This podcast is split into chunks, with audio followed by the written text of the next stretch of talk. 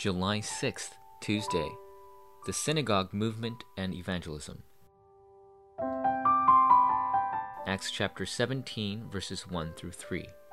Explaining and proving that the Christ had to suffer and rise from the dead, this Jesus I am proclaiming to you is the Christ, he said. When God's word enters, everything is revived. God is especially pleased with the word being planted in the hearts of the remnants. If you align all things to this, God will give you all blessings. Hence, Paul entered the synagogues whenever he did the evangelism movement. For this, if you enjoy the gospel properly and move ahead just a little while preparing your sense of specialty for the future, God will give you the finances of light for the evangelism movement.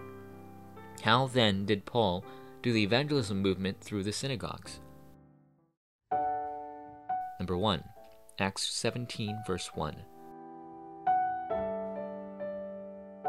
When Paul first resolved to enter the synagogues, God prepared the meeting with a disciple named Jason. Then the evangelism movement centered on the synagogues took place in the region of Thessalonica. He shared the word for three Sabbath days, reviving all places that the light of the word came upon, and yielding great fruits of evangelism. Through this, Paul received the answer of establishing the church of Thessalonica. Number 2, Acts chapter 18, verse 4. In Corinth, according to God's plan, Paul enjoyed the blessing of meeting the couple Priscilla and Aquila.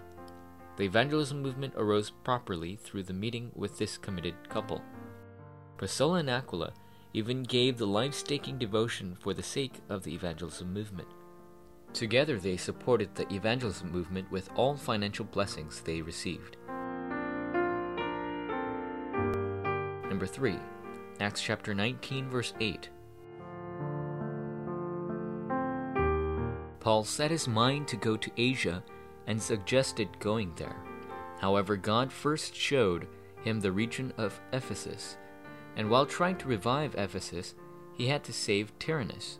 To save the region of Tyrannus, Paul entered the synagogues. God granted Paul evidences because he resolved to do the word movement in the entire region. And the doors to the synagogues opened up for him because he attempted to do the word movement wholeheartedly. Anybody will be revived if they simply listen to God's word. The reason Paul entered the synagogues was because he was thinking of the remnants. If the word enters especially into the remnants, they will be revived. Through Paul, who aligned his direction to this, God started the great evangelism movement. Forum topic What must I do to have the evangelism movement arise in my field? Discover God's plan within today's word, today's prayer, and today's evangelism.